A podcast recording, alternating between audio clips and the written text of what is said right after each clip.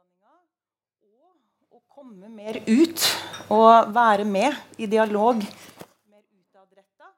Og selvfølgelig å komme i dialog med feltet, eh, skole- og utdanningsfeltet, og ta med oss innsikter og erfaringer tilbake inn i vår egen virksomhet.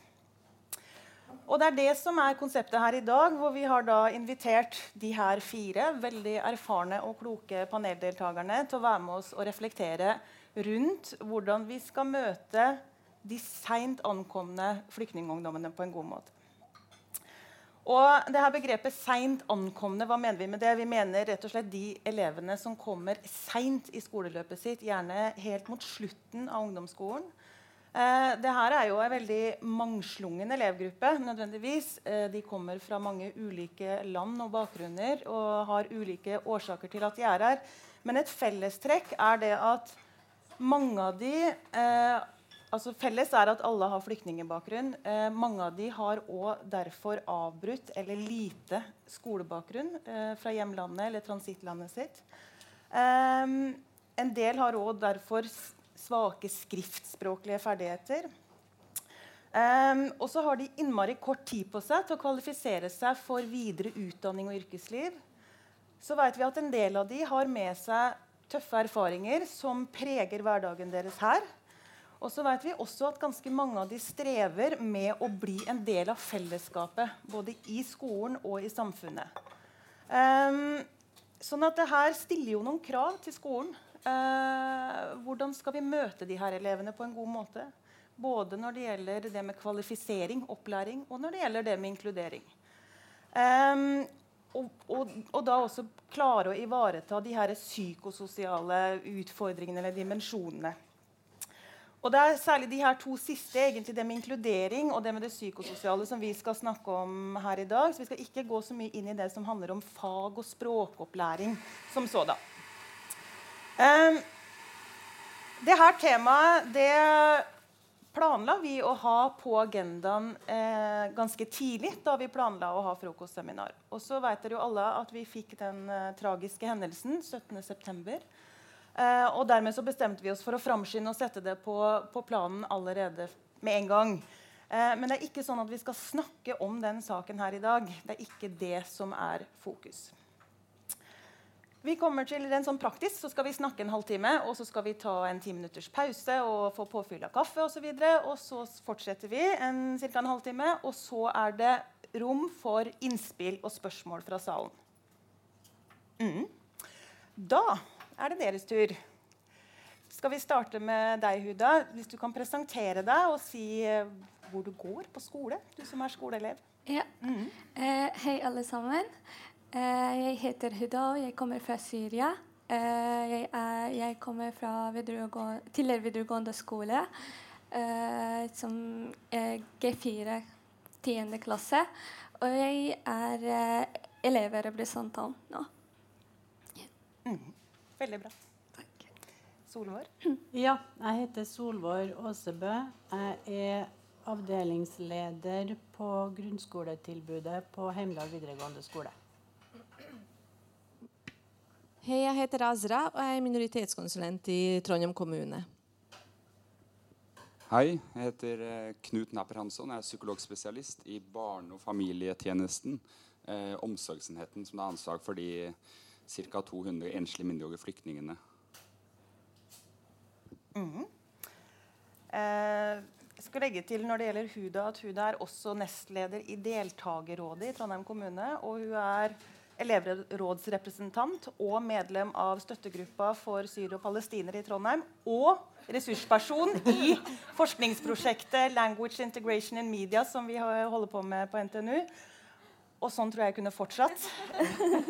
Lang merittliste. Ja. Men jeg tenkte vi skulle starte med det her store og litt sånn vanskelige kanskje, begrepet integrering. Um, og det er et veldig aktuelt tema i Trondheim om dagen. For nå har vi hatt en stor omorganisering av opplæringstilbudet for denne elevgruppa som vi snakker om her i dag. Uh, fra å gå i et egentlig helt segregert opplæringstilbud på Ladebekken uh, under Enhet for voksenopplæring, så er nå denne elevgruppa flytta til fire videregående skoler rundt om i byen. Og jeg tenkte Du Solvår, har jo ansvar for nettopp denne ungdomsgruppa. Kanskje du kunne sagt litt om bakteppet eh, for den omorganiseringa? For det handler jo nettopp om integrering. Ja. Det er, ganske, det er ganske masse, så jeg må prøve å velge ut litt. Da. Eh, det har jo kommet fra elevene sjøl i utgangspunktet at eh, og kanskje særlig enslige mindreårige elever, at man ønsker å være på, en, på samme skole som norske ungdommer. Og det er jo en eh, god tanke, for det gjør jo integrering praktisk mye enklere. Eller i hvert fall så gjør det den biten av integrering som er å bli kjent med andre i samme alder, mye enklere. Eh, endelig så flytta vi da i høst. Eh, og sjøl om det var endelig og det hadde tatt lang tid, så føltes det egentlig som det var dårlig forberedt. Sånn at vi Det tar nå ei tid å komme fram til ei gode praktiske og organisatoriske løsninger men nå er vi nå fordelt på fire videregående skoler det her skoleåret. Uh, Heimdal, hvor jeg er, da, og Tiller, og Charlottenlund og Torastorm. Og vi er uh, kommunal, altså dvs. Si at lærerne er kommunalt ansatt. Men uh, elevene er elever på den enkelte videregående skole. Det er rektor på den videregående skolen som har ansvar for undervisningstilbudet. Mm. Og du Huda, du er jo en av de elevene som da har flytta fra Ladebekken og over nå da til Tiller, hvor du er elev. Kan du si litt om hvordan det har vært for deg? Ja, eh, det var eh, veldig god. Eh, eh for det første at eh, vi har eh, integrert litt. Og vi har som felles gymtime med norske elever. Og det er veldig god. Men det er én time, time, bare i, i ei uke. Det er ikke nok for uh, å bli kjent med andre norsk. Men, uh, men, det er fortsatt vanskelig å bli integrert. Fordi vi er fortsatt sammen. I den gruppa med ungdommer fra ja, voksenopplæring? Ja, egentlig. sammen. Ja. Afghanere er samme, og somaliske er samme. Eller vi uh, to klasser sammen. Mm. Det, det, er litt vanskelig å se eh, bli kjent med eh, eh norske elever og sånn. Ok. Hva, hva, skyldes det, tenker du? Eller hva, hva, hvorfor blir det sånn? Uh, for Tiller, for det er, det er liten skole, ikke så mye stor. Og så det finnes mye innvandrere der. Ikke så mye no, norske ungdommer og sånn. Okay. Mm. Derfor. Og liksom liksom det. Mm. Og litt aktiviteter og sånn. Eh, fellesaktiviteter. Få felles aktiviteter og få felles møteplasser, egentlig? Eller altså sånn der man legger til rette for noe, noe samspill? Eh, ja. Ja. Ja. Mm. ja. Sånn at uh, erfaringa Det du egentlig setter ord på, er at erfaringa er at selv om man er fysisk lokalisert sammen, så blir det ikke integrering nødvendigvis av ja. den grunn. Mm. Mm. Jeg tror at det er litt vanskelig hvis det kommer ikke fra lærere. Vi er alene. Vi kan, vi kan ikke uh, integrere med og bli kjent med norske uh, ungdommer. Vi ønsker det fra lærere, at uh, de gjør noen aktiviteter for mm. oss for mm. sammen. Ja, Så du tenker det er et ansvar som må ligge hos ja. lærerne og på skolenivå? Ja. ja. Mm. mm. Astra, du jobber jo med integrering ut mot bl.a. skoler. Hva tenker du om det Huda forteller om erfaringene med å nå komme ut i, i videregående og oppleve det kanskje som ganske utfordrende? ja. Eh, det, det, jeg, jeg, holdt på å si jeg føler med. Jeg skjønner godt hva hun snakker om. Um, du, først så vil jeg bare bemerke at uh, det er så interessant at det er nesten bare kvinner. Man skulle tro at det bor bare kvinner i Norge i denne forsamlinga her. Og det er også noe sånn apropos Jeg vil uh, tippe at de som er her, spesielt menn, da Det er sånn det som vi på norsk liker å kalle er ildsjeler. ikke sant? Og sånn går det med integrering og inkludering, at det faller på ildsjeler. da. som regel. At liksom, Du må være litt sånn spesielt interessert. Og det er veldig lett. Og, og så lurer jeg på egentlig Jeg har mer spørsmål enn svar, Irmelin, så sånn er det. liksom. Hvis dere har tenkt å få noe svar, så er det ikke å finne her, i hvert fall. Men eh, poenget er dette med ildsjeler og det å være spesielt interessert. Eh, og når det kommer til integrering, det er så, det, Hvorfor er det så lett at det faller på at man kan ta avstand ifra det? Hvorfor er det sånn at, det, at integrering gjelder minoriteter, mm. og ikke den dominerende kulturen, f.eks.? Hvorfor er det sånn, og hvorfor tror vi at det er sånn? Det er faktisk ikke sånn. Litt av min jobb er egentlig mer å snakke med med folk i system som jobber i kommunen, og løfte det spørsmålet. Og hva er integrering, og hvordan vi ser på integrering som begrep, og også i praksis. Hva er det egentlig som foregår? Jeg, vil, altså min, jeg, sånn, jeg liker å skremme folk, for det er det lettest å få dem til å gjøre som jeg vil. Så da, tenker jeg, da pleier jeg å fortelle at det er farlig å tenke at integrering er en sånn enveisgate. Uh, at det er farlig? Uh, at det er farlig, ja. ja fordi det berører likevel Det berører vår, vår private sfære og vårt, uh, vårt, liv, om du vil det eller ikke. Uten, du kan late som at det ikke gjør det, men det gjør det. Og så kommer jeg til å tenke på, på um, Eh, på veien hit så tenkte jeg at jeg, nå, jeg kom jo opprinnelig fra Bosnia, så jeg har jo bodd i Norge i 25 år.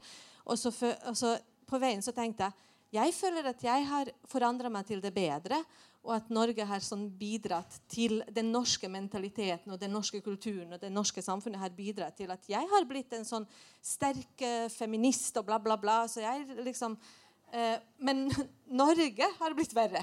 Altså litt sånn så det, altså, Hva har skjedd? Hvorfor er det sånn? Altså, jeg blir liksom stående og tenke Jeg har nå tatt imot den kulturen her og det samfunnet her, og jeg er jo godt integrert, men er dere godt integrert med det samfunnet som vi faktisk har i dag? Og det hodet forteller, er jo uh, noe jeg tar til som bevis på at det ikke er det.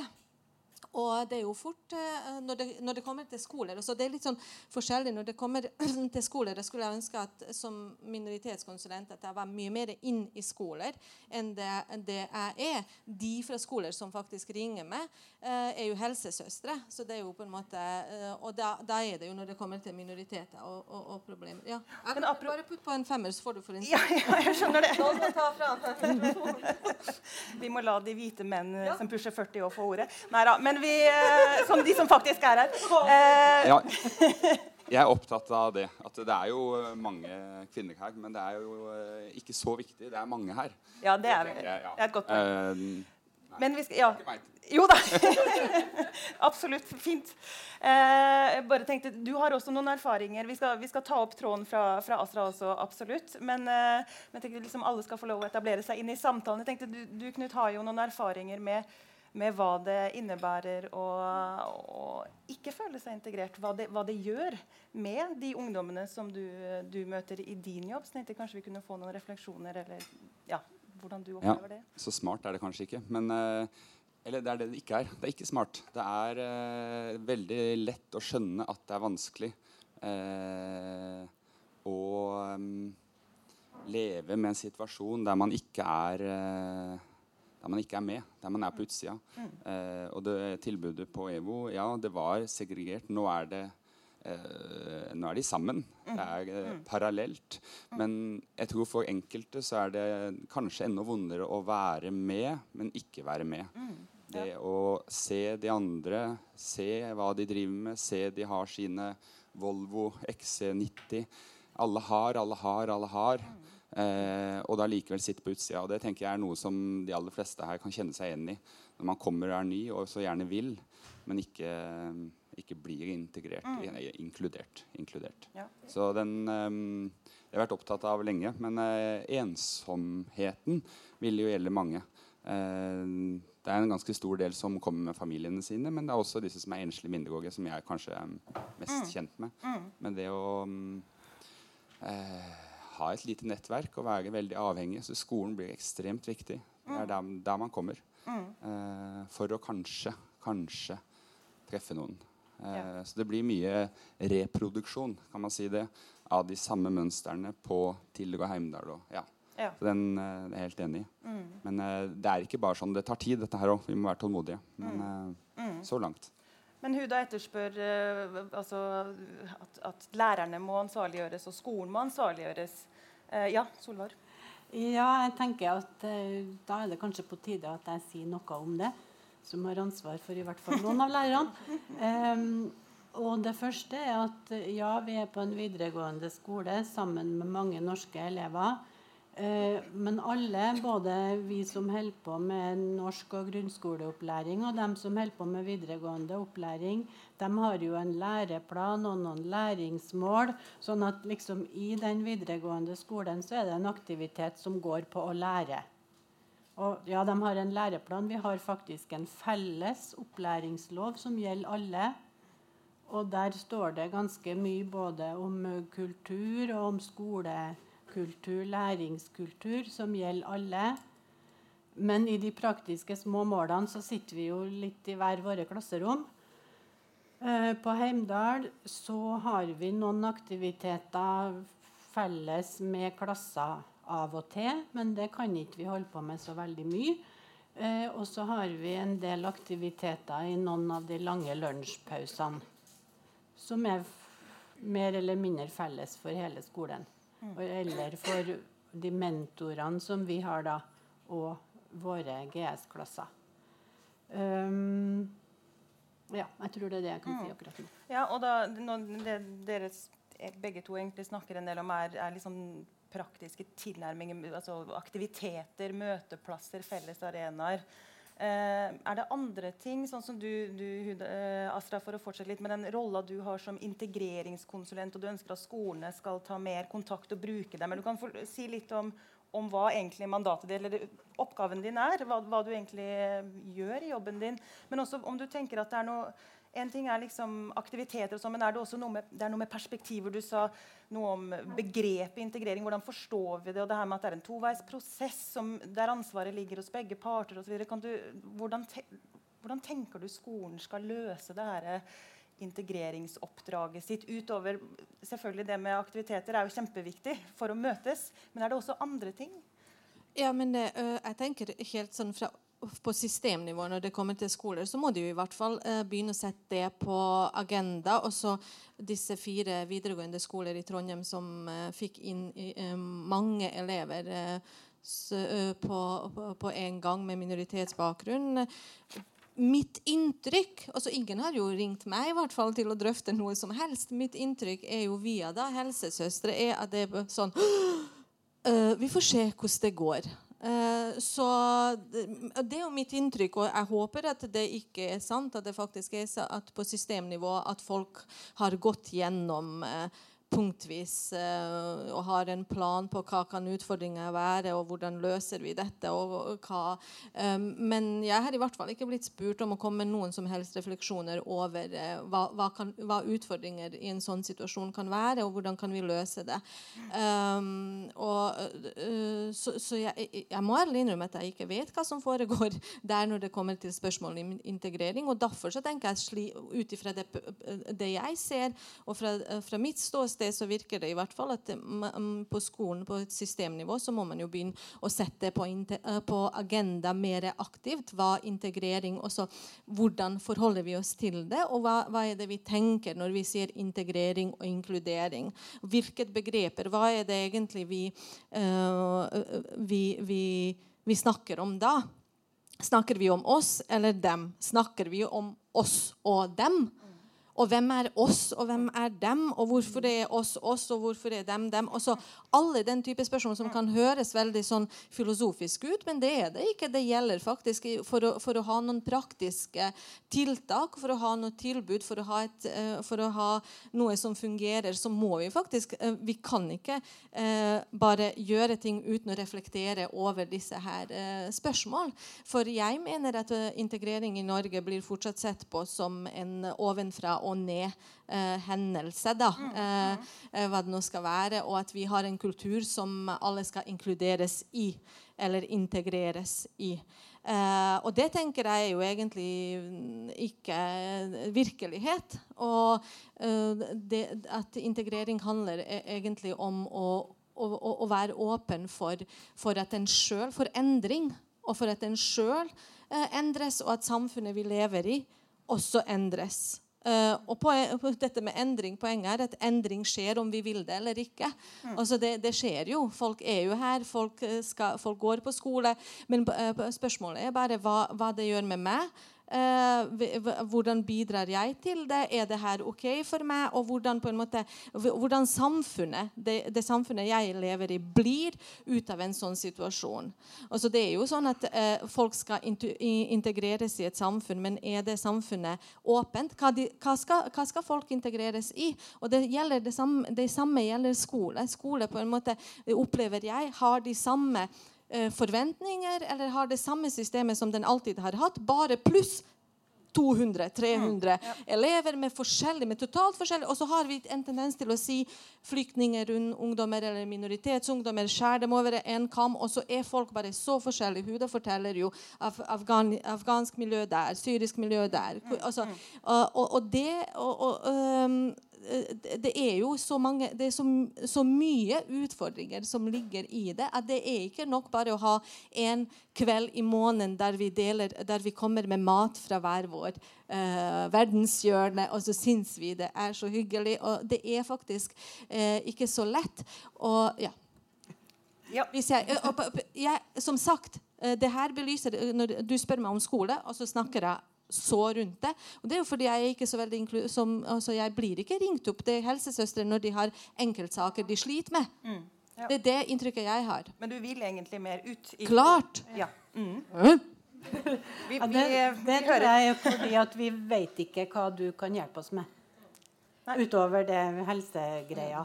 Um, jeg tenker mm. egentlig veldig likt deg. Og jeg tenker ikke at det fins noe oss og dem, det fins bare oss. Og det er alle elevene på Heimdal. Ja. Og jeg tenker egentlig at jeg trenger ikke å problematisere det så veldig mye. For der er vi, der er vi på skolen. Alle elevene er likeverdige. Det er de samme læreplanene som gjelder. Eh, det er de samme lover og regler i forhold til f.eks. For mobbing og alt mulig som gjelder. Det, det er det samme skolebeviset. Det er oss. Mm. Um, og så uh, så er liksom uh, Hva skal jeg si liksom? Altså kultur og alt det som er norsk, vestlig, allment, det er jo tema innenfor fag. Og vi kan ha møteplasser, prosjekter, hvor vi jobber med det sammen.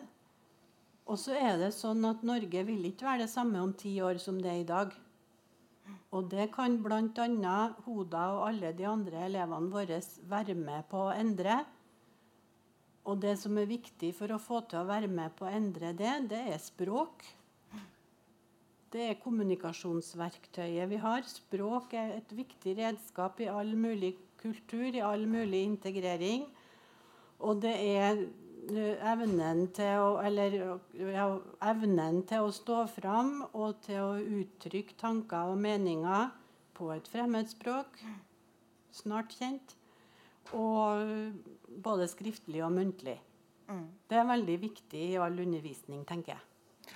Jeg skal prøve å være kort. Først så er det ikke, altså Jeg håper virkelig at jeg ikke har framstilt det her som jeg kan løse dette. eller at Det er så, det, det er ikke, forhåpentligvis ikke bare meg. Vi, vi, bør være mange med fagforståelse for det her. Når det gjelder språk eh, Jeg har hørt noe interessant. Eh, har du aksent i, i, i, Norge, og det var det faktisk tidligere, i hvert fall, jeg vet ikke hvordan det er nå, men har du aksent, så kan du bli oppfatta som litt mindre intelligent og litt mindre smart. Og dette er noe vi med aksent faktisk kjenner på på.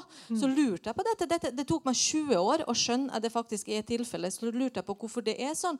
Så sier de i Norge så har det ikke vært så mange folk som, som snakka litt annerledes enn majoriteten. De som snakka litt annerledes, var jo gjerne utviklingshemma og folk med problemer. Dermed så har, henger det igjen en, eh, en type ting. Så jeg tenker ja, språk, men samtidig så, stå, så, så, er det også der, eh, den der refleksjonen over når du hører et menneske med aksent, eh, at jeg kan oppleve et språk at det kreves 100 jeg er enig i at språket er viktig, men, men, men også så hva skal jeg si? Jeg vet ikke om jeg får til å Jeg tror jeg gjorde meg egentlig ganske tydelig med å si dette med at har du aksent, så blir du oppfatta som litt mindre intelligent. Og det tenker jeg er jo viktig bare å, å si fra om mm. og snakke om. Ja, sånn at neste gang du mm. hører et menneske sånn at Språk, ja, men når vi, når vi, da, da, er det spørsmål også hvor mye um, Hvor sterk språklig forventes det at man skal være før man kan, før man kan føle seg uh, som et verdifullt menneske. Det har veldig mye å si, mm. tenker jeg. Mm, mm. Det du sier uh, Nei da. Uh, jeg, jeg, jeg, tenker at det er en del hinder. Ikke sant? Språk er et hinder. Det å føle seg dum fordi man ikke kan språket, det er et hinder. Og Dermed så må vi nok være enda mer aktive i denne toveisintegreringsprosessen. Yes, det må vi. Men det er, eh, det er, eh, det er skummelt å være passiv.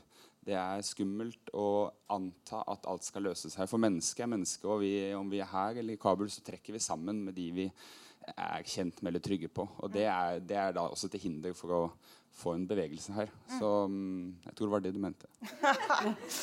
ja, jeg jeg bare, kan jeg bare si noe om dette med kvinner og menn og det med likestilling?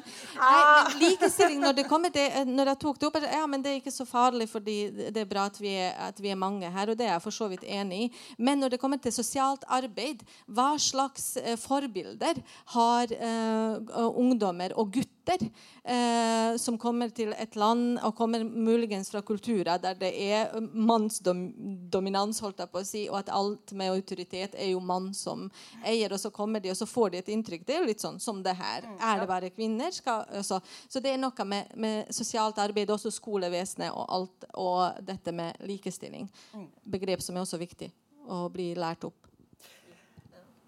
Jeg hadde en plan om at jeg skulle, skulle foreta en sånn, litt sånn klok eh, oppsummering og analyse før vi gikk til pause. Men jeg tror eh, Asra, at alt det du har kasta ut, det, vi, det, tror jeg bare vi må liksom få litt tid til å fordøye. Og så mens vi tar en ny kopp kaffe eller en dotur eller hva det måtte være, og så begynner vi på igjen om, eh, om ti minutter. Før, uh, før, pausen så snakka vi litt sånn generelt om det med integrering og det med det flerkulturelle. da kanskje. Nå skal vi gå litt mer inn i det som er spesifikt for de med flyktningbakgrunn. Og gå litt mer inn i det psykososiale. Eh, og når vi også litt om at altså, Alle elever er likeverdige, og det er noen generelle prinsipper som, som dreier seg nettopp om inkludering og fellesskap osv. Men, men kan også, vi kan også reflektere litt rundt er det sånn at det, det, trengs noe særskilt for denne gruppa. Ikke da bare i kraft av at de har ulike kulturbakgrunner, men også fordi de har nettopp denne flyktningbakgrunnen. Og noen eh, i feltet de snakker om at vi trenger en flyktningekompetent skole. Um, og trenger vi det? Er det en sånn særskilt flyktningekompetanse som trengs? Og hva, hva, er i så fall det? Det tenkte jeg vi skulle, skulle snakke litt om i denne bolken. Og jeg vet at du, Huda, du har, du har, noen refleksjoner rundt akkurat det med å komme som flyktning. Og, og hva du da tenker at en lærer må være og kunne i møte med dere? Skal jeg si det. Mm. det lærere må første ting være så snill. ja. Snill og kunne vise omsorg. Mm. Fordi vi, uh, vi hadde liksom dårlig skolesystem i vårt hjemland. Mm. Og der vi er fullt av det som uh, slemme ting. Og vi hadde ingen demokrati. Uh, vi ble utsatt for vold. Uh, I skolen? Ja, mm -hmm. i skolen. Ja. Og da uh, Det er at vi er full av det. Derfor mm. vi trenger snille lærere og at lærere kunne vise omsorg og mm. være empati å, å, ha empati med det. Har, mm. Ja, empati med det mm. med oss. Ja. Mm. Så du knytter det egentlig til, til, de negative skoleerfaringene dere har med dere? At, at, det har vært så mye negativt i møte med skolen? Ja. Mm. Eh, og at dere kommer inn i den norske skolen med de erfaringene, og derfor trenger ja. empatiske og omsorgsfulle lærere? Ja. Mm. -hmm. ja. Eh, hva er det som kjennetegner en god lærer, da, syns du? Hva, hva kjennetegner den gode læreren eh, i møte med flyktningelever? Snill, empatisk, er det de egenskapene? Ja, og at eh, være eh, flink for å vite hva trenger eh, de elevene. Hva trenger de, hva, vil, hva de kan, og hva vil jobbe mer med. Mm. Eksempel, jeg, når jeg flyttet til uh, Trondheim Jeg bodde et år og halvt i Bardufoss uten å gå på skolen. Men uh, jeg begynte i fjor, i august. Uh, først var jeg på norskkurs. Men, men de som kommer nye til Norge Og jeg kan mer enn Jeg, jeg kan den litt norsk. Og da de satt eh, settet meg med dem. Og det er litt vanskelig for meg. Uh, eh, lærer forstår til meg at uh, forstått av meg hva jeg vil og jeg, hva jeg kan. Det hun uh, gjør, til, gjør til meg prøve for å flytte til, uh, til andre klasse. Ja, Ja, akkurat. hun forstod meg at eh, Hun hjelpet meg med det å flytte til andre klasse, som er med høyere høyere nivå. nivå. Ja, høyere nivå.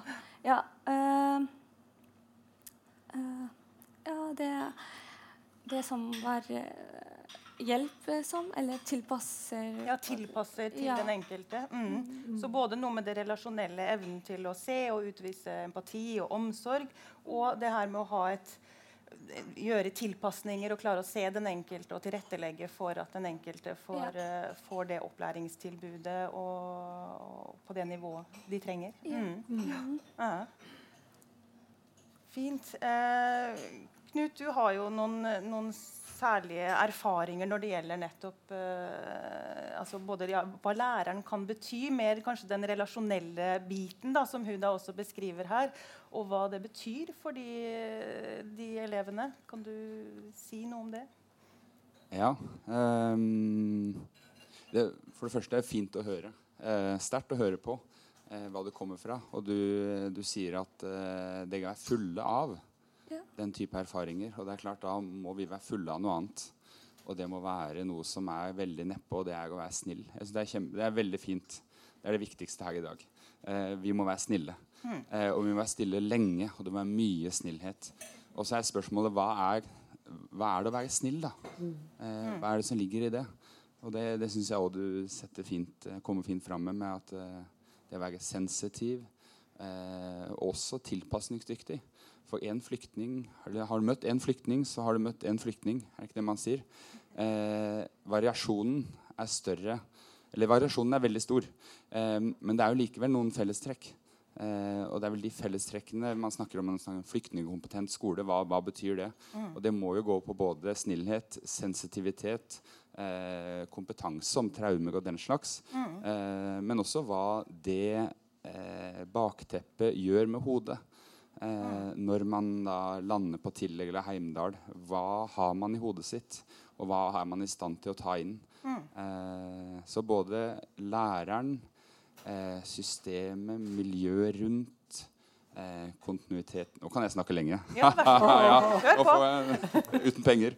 Eh, hvor viktig er det ikke at eh, dette er strukturer som går og går? Jeg har møtt mange ungdommer i Trondheim, og det er helt utrolig hvor mange av de som går på skolen. Eh, de går på skolen fordi der får de en lærer, de får en eh, medelev, de får en timeplan, de får et friminutt, og de får også en del fleksibilitet. Eh, og vi veit at eh, å repetere sånne strukturer hver dag på en vanlig og kanskje kjedelig måte, det er helende. Det er det beste vi kan gjøre. Så mm, Mm, og der beskriver du egentlig at, at skolehverdagen og, og det fellesskapet man tross alt er en del av i skolen, og de strukturene som ligger der, i seg sjøl er helende, på en måte. Eh, og i en del sammenhenger så sier man at det skolen skal ha i møte med elever som har en traumatiser eller er traumatisert eller har en veldig tøff bakgrunn, det er at de skal ha en henvisningskompetanse. De skal kunne se, og så skal de henvise videre. Og Det er klart at det er, det er også viktig. Men, men det du setter ord på, er kanskje at, at læreren sjøl ikke er en terapeut, men også kan ha en terapeutisk funksjon overfor de elevene. Jeg vet ikke om du vil si noe mer om uh... Ja, uh, Det er et liksom skummelt område, men jeg, jeg, tror det er feil med henvisningskompetanse. Det er ikke det det går i. Man skal ha en uh, varmekompetanse. Mm. Nei, man skal være varm. Man skal mm. klage og holde ut, og man skal høre på og mm. høre på og høre på. Ja, og Når du ja. sier å klare å holde ut, hva er det man skal holde ut for?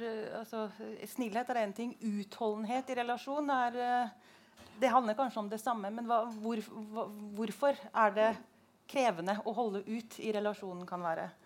Det er krevende fordi eh, eh, Fordi det er stor variasjon.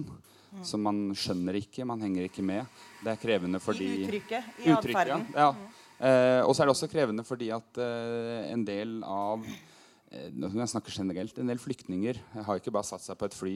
Eh, de, de har reist, og de har, de har, opplevd ting, og de har reist, og de lever under betingelser i Norge som ikke er eh, nødvendigvis veldig gode. Mm. Og da, da, vil veldig mange komme og være ganske mistenksom også, kanskje, mot mm. voksne. Ja. Og spesielt kanskje mot alle kvinnene som med beste skal gi omsorg. Og det skal man gjøre, men kan det, man kan, de kan lure på hva er det som foregår her. Hva er, det, hva er dette her? Er det mm. skole, eller er det omsorg? Er det mamma? Er det, mm. ja. eh, det er mange ting som foregår, som er forvirrende. Ja. Også det med mistillit, som tar tid å avlære.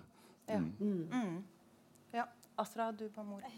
Bare hengt meg opp i det der ordet 'snill'. Jeg, kjenner bare at jeg blir helt sånn Nei, nei, nei. nei, nei. Uh, fordi, men det er jo nok bare begrep og hvordan vi tolker det. Så jeg skulle bare si jeg liker å bruke begrepet 'følelsesmessig til stede'. For der rommer, det, uh, der rommer det på en måte at en sjøl er følelsesmessig til stede uansett hva type følelser som dukker opp. og vi, uh, sånn at bare det at vi justerer dette, for jeg regner med at det ikke er det du mente. Jeg skal fortelle deg noe du mente. Men uh, dette med snill, at, det, at ikke det òg blir et sånn ovenfra og ned opplegg. Og absolutt eh, følelsesmessig til stede, og også kompetent til å, til å, kunne på en måte kanskje kjenne igjen eller vite. og så kjenne etter. Men jeg tenker at følelsesmessig til, til, stede så, så, strekker du deg langt. Også, for da kan du jo, Men det er viktig at man på en måte er ærlig også overfor seg, først og fremst overfor seg sjøl, hva slags følelser man på en måte står i. Og så se muligheter for å uttrykke eller ikke uttrykke. Og det tror jeg gjør situasjonen trygg for det andre mennesket. Mm. tenker jeg. Men um, hva var det jeg skulle si? Ja, eh, jeg... Men du er inne på det med Ville du fortsette? Ja, men jeg glemte det. Ja. For du er inne på det å strekke seg. Du må strekke deg eh, som lærer kanskje da, i møte med elever med den typen bakgrunn. Eh, og det blir noe med, med mandatforståelsen, rolleforståelsen til læreren òg. Fra min egen forskning så vet jeg jeg møter lærere som sier ting som at Men jeg er jo norsklektor. Jeg er ikke miljøterapeut. Eh, og, så, kan vi stille oss kritisk til den måten å si, skille mellom, uh, mellom, funksjoner eller roller innenfor lærerprofesjonen. Men, men ja, jeg vet ikke hva dere tenker om, uh, om det. Ja.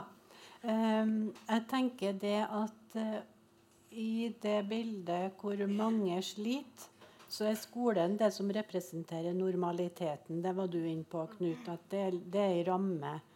Og jeg jeg snakker vel ikke så veldig mye om snille lærere, men jeg snakker om tålmodige lærere. Mm. For du er nødt til å være veldig tålmodig.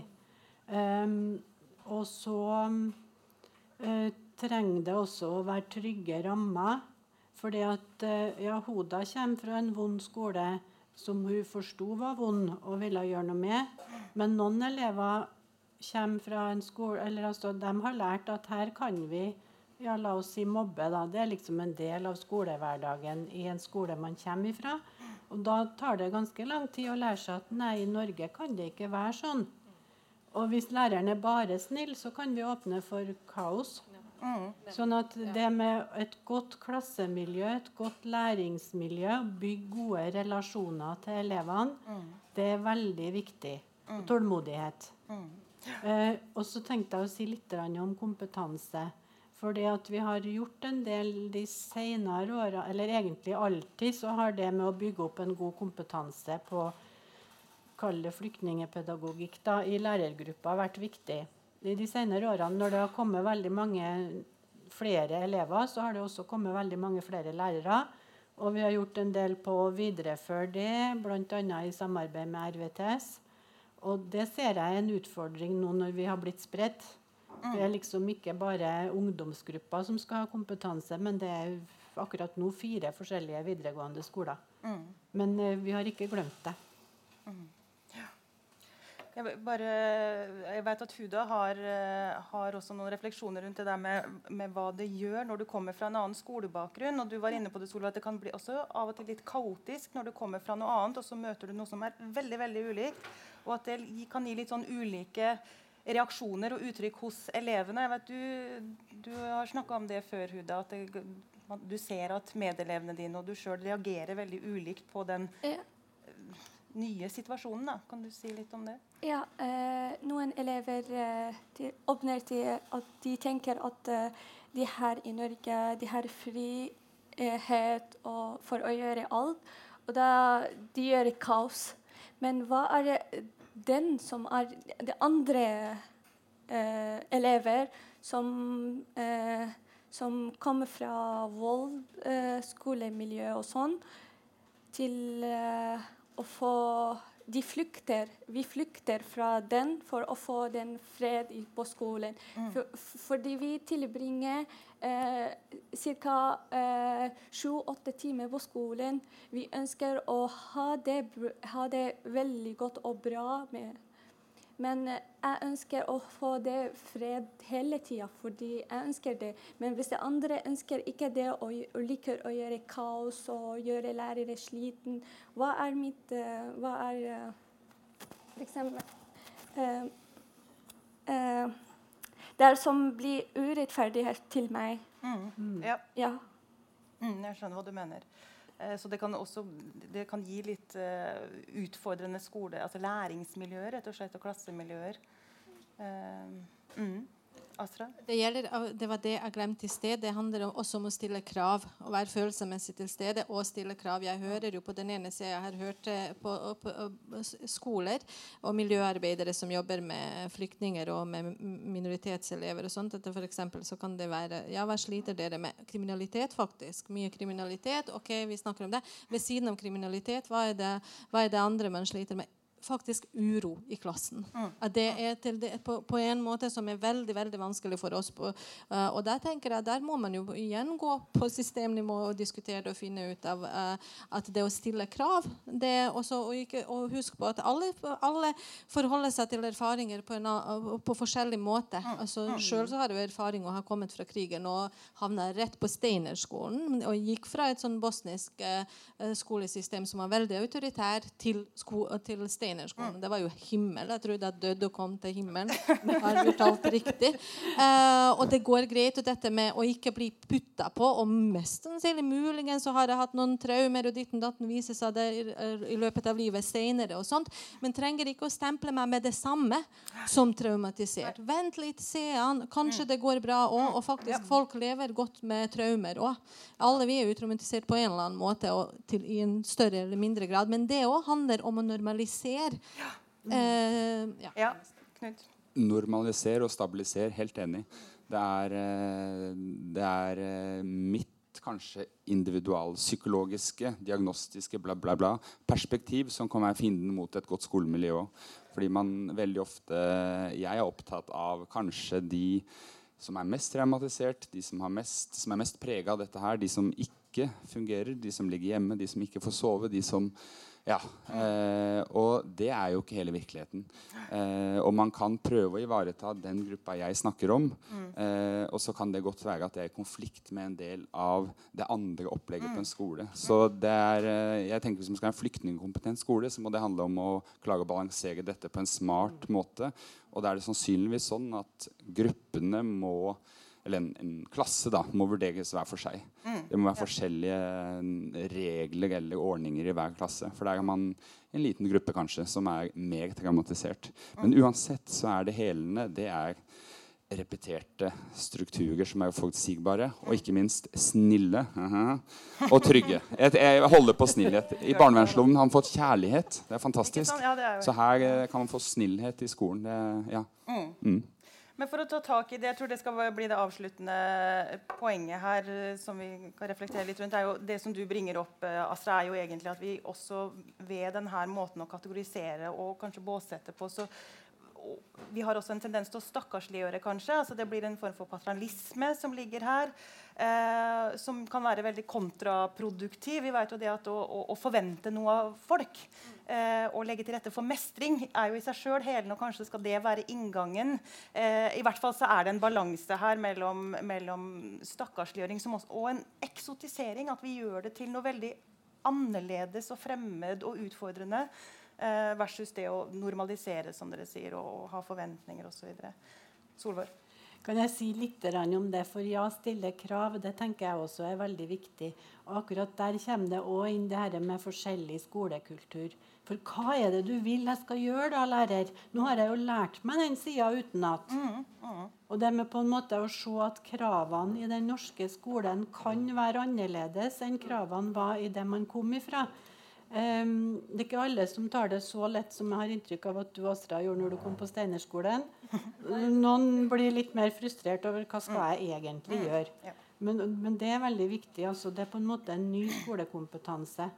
Og det har med læringssyn og sånn som jeg, jeg, sa at jeg ville si noe om, og nå fikk jeg det til. Ja, bra, Solveig. Det var bra. Huda? Ja, eh, det finnes elever som liker ikke skole, mm. og de kommer bare for å tulle på skole. Tulle. Ja. ja. Mm. Men, og de, denne gruppa fra elever gjør lærere, er, gjør lærere sliten. Og, men, og da eh, lærere eh, føler hun er veldig eh, sliten, og det blir Hun blir skal ikke være snill. Mm. Men ja, hva mm. er mitt problem? Fordi jeg kan ikke uh, like, uh, kan ikke akseptere det. Fordi jeg blir føler på uh, tristhet. Mm. Jeg, at når jeg sier lærer er veldig sliten og roper for oss fordi, Og hun har rett, men jeg kan ikke. Fordi jeg husker alle ting, alt vold som jeg, det skjedde i min skole mm. før. Mm. Da jeg tenker meg veldig trist, og jeg gå ut ja. av skolen. Det skaper fordi, utrygghet. Ja, mm. fordi jeg kontrerer ikke det. Ja. Mm. Mm. og det er på grunn av at det er noen elever som mm. tuller og sånn. Og kanskje er det, altså, det er jo kanskje også noe med systemet her som eh, altså For en del elever å skulle inn i et ganske sånn teoretisk skolesystem når kanskje ville behovet vært noe annet for en type mer praktisk trening osv. Så, videre.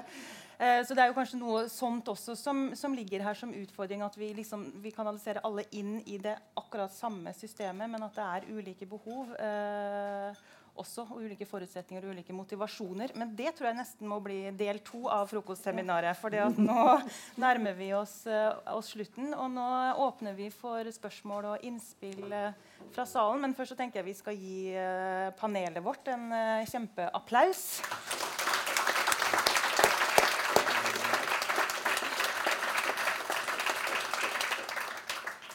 Veldig veldig fint å ha dere med eh, og få høre om deres eh, erfaringer. Eh, er det noen som har lyst til å melde seg på? Ja, Maja. Hallo. Ja, jeg tenker at uh, dere har jo tatt opp så ekstremt mye viktige aspekter av hvordan man skal lykkes med integrering i skolen. Og det blir jo veldig sånne generelle ting, men det er de tingene som ligger til grunn. Og det som jeg tror er en veldig stor utfordring for eh, mange skoler med tanke på integrering, er jo rett og slett det at eh, den, i hvert fall på enkelte skoler så er jo den norske elevgruppa også ganske eh, enhetlig. Litt ut fra hva slags eh, område i byen man bor i, og inntakskrav osv. Og, Eh, og vi sitter med en elevgruppe som kanskje kommer fra en veldig privilegert bakgrunn, eh, som har lite erfaringer med et mangfoldig samfunn. Og lærerstaben er kanskje enda mindre mangfoldig. For Fordi De som blir lærere, er ofte veldig ressurssterke folk som har levd relativt stabile liv og eh, hatt en god utdannelse. Og de har den erfaringa. Og de har ikke erfaring vanligvis med, eh, med det her. Når jeg begynte å jobbe med elevgruppa minoritetsspråklige elever av masse ulike slag, så hadde jeg null peiling på alt de tingene som dere snakka om. Og det har jeg liksom måttet ha lært gjennom flere år. Så det jeg tenker er at hvis vi ikke klarer å få lærerstaben til å skjønne de tingene som dere sier i dag, så får vi sånne erfaringer som jeg hadde fra når jeg har prøvd å få minoritetsspråklige klasser og norske klasser til å jobbe sammen. Der at de norske elevene sier ja, ja, men så bra, for da kan jo vi lære dem de tingene her. Eh, men det blir sikkert litt vanskelig, for de kan jo ikke norsk. Og jeg bare, De kan norsk. De kan fire språk, de her. Du kan to. Eh, eh, men de snakker ikke sånn som du gjør ennå. Eh, og når de sitter og jobber sammen, så får de erfaring av at ok, du sitter jo faktisk med en kompetanse som jeg ikke har, eh, og en vinkling som jeg ikke har. Og jeg lærte faktisk noe av deg. Men hvis vi aldri får den erfaringa til å jobbe sammen faglig, Ja. så tror jeg ikke den respekten kommer eh, i like stor grad. Og det er veldig fint med aktiviteter og å ha gym sammen og eh, fellesaktiviteter etter skolen og sånne ting. Kjempeviktig for det sosiale. Men det at vi får frem at de elevene her har en kompetanse, det er kjempeviktig for den respekten eh, i skolevesenet. Og det tror jeg også veldig mange lærere aldri kommer fram til å se. Fordi at de sitter bare og ser alle tingene de elevene ikke kan. Ja. Eh, og det er skolen sitt ansvar. Vi snakker veldig mye om lærerne må være snille og lærerne må gjøre ditt og datt. Det er skolen sitt ansvar at lærerne får den kompetansen der. For den kommer ikke av seg sjøl. så det tenker jeg Jeg vet ikke, jeg bare har så ekstremt sterkt behov for å si det. når jeg satt og hørte på bra. Mm. Vet ikke om Ja. Mm. Ja, jeg har eh, jobbet som lærer på videregående skole med, i starten med norske elever. Så nå har jeg begynt på voksenopplæring. Eh, Toras, eh, eller eh, Trondheim, Trovo, da. Trondheim voksenopplæringssenter. Så jeg har eh, en del erfaring med de norske elever, og litt sånn blandingselever. Og bare minoritetselever. Så det er viktig at sånn som eh, Maja sier, at eh, læreren må har et ansvar for å skaffe den eh, kunnskapen.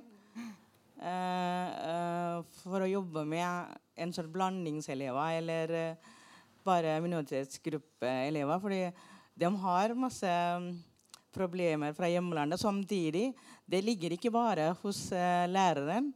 Så det ligger litt hos elevene også. Må ta litt ansvar sjøl. Altså, de forstår ikke av og til eh, hvis jeg sier at det er du som er ansvar for din egen læring. Fordi de har eh, erfaring fra skole fra deres hjemland. Kan være annerledes. Og så forventninger der om kunnskapen eh, er litt annerledes enn i det norske skolesystemet. Det er en stort eh, arbeid ligger bak for å få det alle har det bra. Liksom både læreren og eleven. Det er viktig. Ikke bare elevene skal ha det bra. Men uh, vi må jobbe med masse områder for å få alle fordi da, da er det lettere å få en god læring og en god sosiale miljø i klasserommet. Noen som har, Astra, du hadde lyst til å kommentere? Ja, jeg hadde bare lyst til å si en ting som jeg tenkte også på. Eh, For eksempel så er det noen, eh, noen mottaksskoler som da ikke ønsker eller ikke kaller seg noe lenger for mottaksskoler. Fordi norske, norske foreldre har begynt å ta ut ungene sine derfra fordi de ikke vil ha elever, eh, barna sine inn på mottaksskoler. Nå kan vi jo si at det er sikkert ikke veldig mange, det er ikke, det er ikke majoriteten som gjør sånne ting, men eh, det er jo tilfeller. da, Og jeg tenker at det på skolesystemet og på, på systemnivå så bør man jo også eksempel rent praktisk ha, ta opp de ting der på, eh, jevnlig på foreldremøte. Eksempel. At det er en ting som skolen stiller krav om at de skal gi noe kunnskap og forståelse til foreldre, da, som igjen kan da gi det videre til barna sine. Så kan det her gå litt mer naturlig. Så enkelt kan det også gjøres. Eh, men det er ikke lærerne sin, sin eh, Igjen, ikke en ildsjel som skal si Kan du komme og snakke om det her på et eh, foreldremøte? Nei, det skal faktisk være det. Fordi vi har en skole med veldig mange ulike eh, elever. Vi har behov for at eh, her skal de på, på, på, på, sosialt nivå blandes og være mer sammen.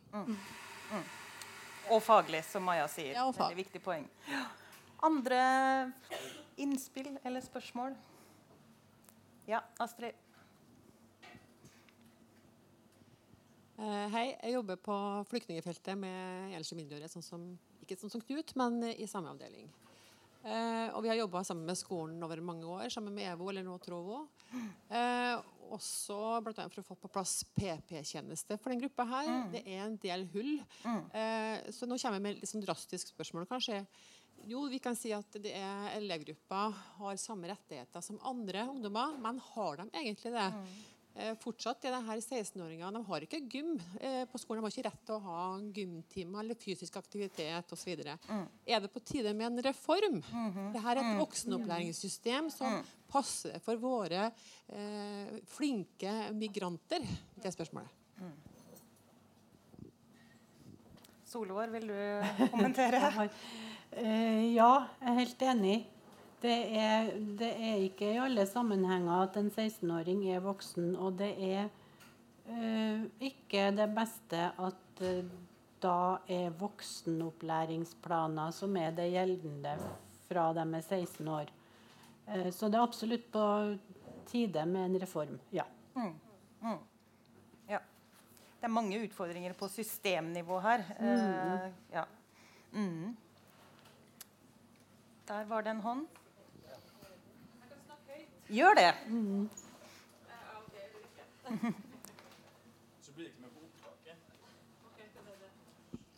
Hei. Eh, jeg jobber som mobbeombud i Trøndelag. Eh, og tenker at de eh, ungdommene som vi har snakka om i dag, deres situasjon i skolen De har akkurat de samme rettighetene som alle andre elever har. Og hvor terskelen til skolen skal gå på om elevene har det trygt og godt. Og det er uavhengig av årsaken, uavhengig av bakgrunnen. Men jeg tenker jo sånn som det blir beskrevet her, med den historikken og det dere har med dere i, i bagasjen fra tidligere opplevelser, kan jo gjøre at skolemiljøet Altså at det ikke er trygt å være på skolen. Og at man helt klart er avhengig av de voksne som du beskriver, Knut. Eh, så jeg tror det er viktig at vi får løfta akkurat den biten her, og at terskelen for at skolen skal gjøre noe, ligger på mistanke om en elev har det trygt og godt eller ikke. Så jeg tenker at det er kanskje mange unger, ungdommer som sklir igjennom fordi at eh, vi tenker at eh, ja, men det her er minoritetsspråklige flyktninger eller som nyankomne. Selvsagt har de med seg noen ting som gjør at det ikke er trygt og godt, men der har skolen en plikt til å så aktivt gjøre ting.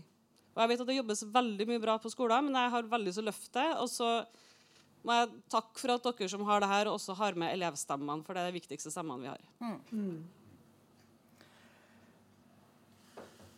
Takk skal du ha, og takk for alle som, eh, som gir innspill. Veldig bra. Jeg tror vi, da tror jeg vi avrunder. Eh, veldig, veldig Det skulle jeg si innledningsvis. Vi er veldig glad for, for det første for at folk kommer når vi arrangerer noe, men veldig, veldig glad for at så mange er interessert i dette temaet. Eh, det er så viktig både at vi har kunnskap og en bevissthet og et engasjement, og at vi er snille. Det er faktisk ganske viktig, det òg.